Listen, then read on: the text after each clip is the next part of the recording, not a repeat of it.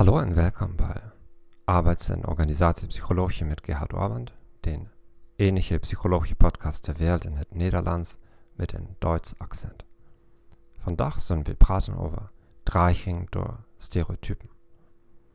Bedreiging door stereotypen is het fenomeen wanneer mensen het gevoel hebben dat er een risico bestaat dat ze zich aanpassen aan stereotypen over hun sociale groep.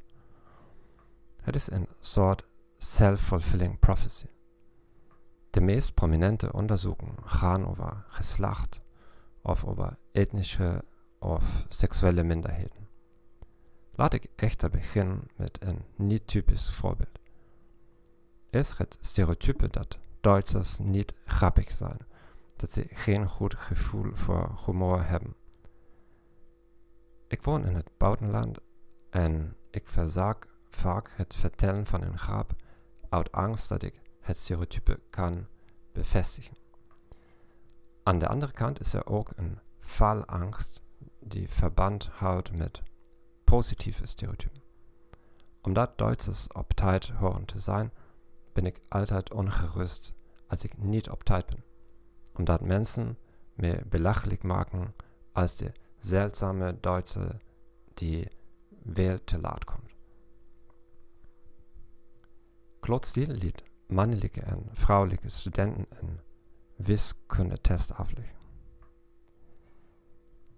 Kort voor de test kreeg de helft van de deelnemers te horen dat er bij deze test meestal grote seksverschillen waren.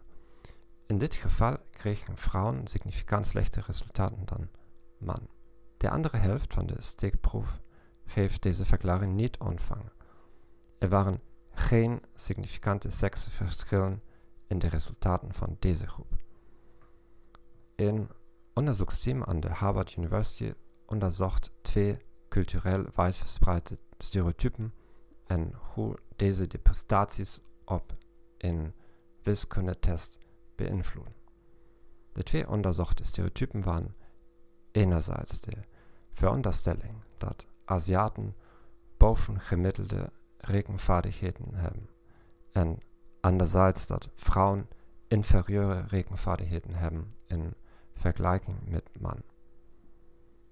De studie toonde aan dat Aziatisch-Amerikaanse Frauen beter presteerden op een wiskundetest wanneer hun etnische identiteit, terwijl hun resultaten slechter waren wanneer hun genderidentiteit werd geactiveerd. Ik dank u voor het luisteren naar deze podcast. Ik wens je een fijne dag en tot ziens.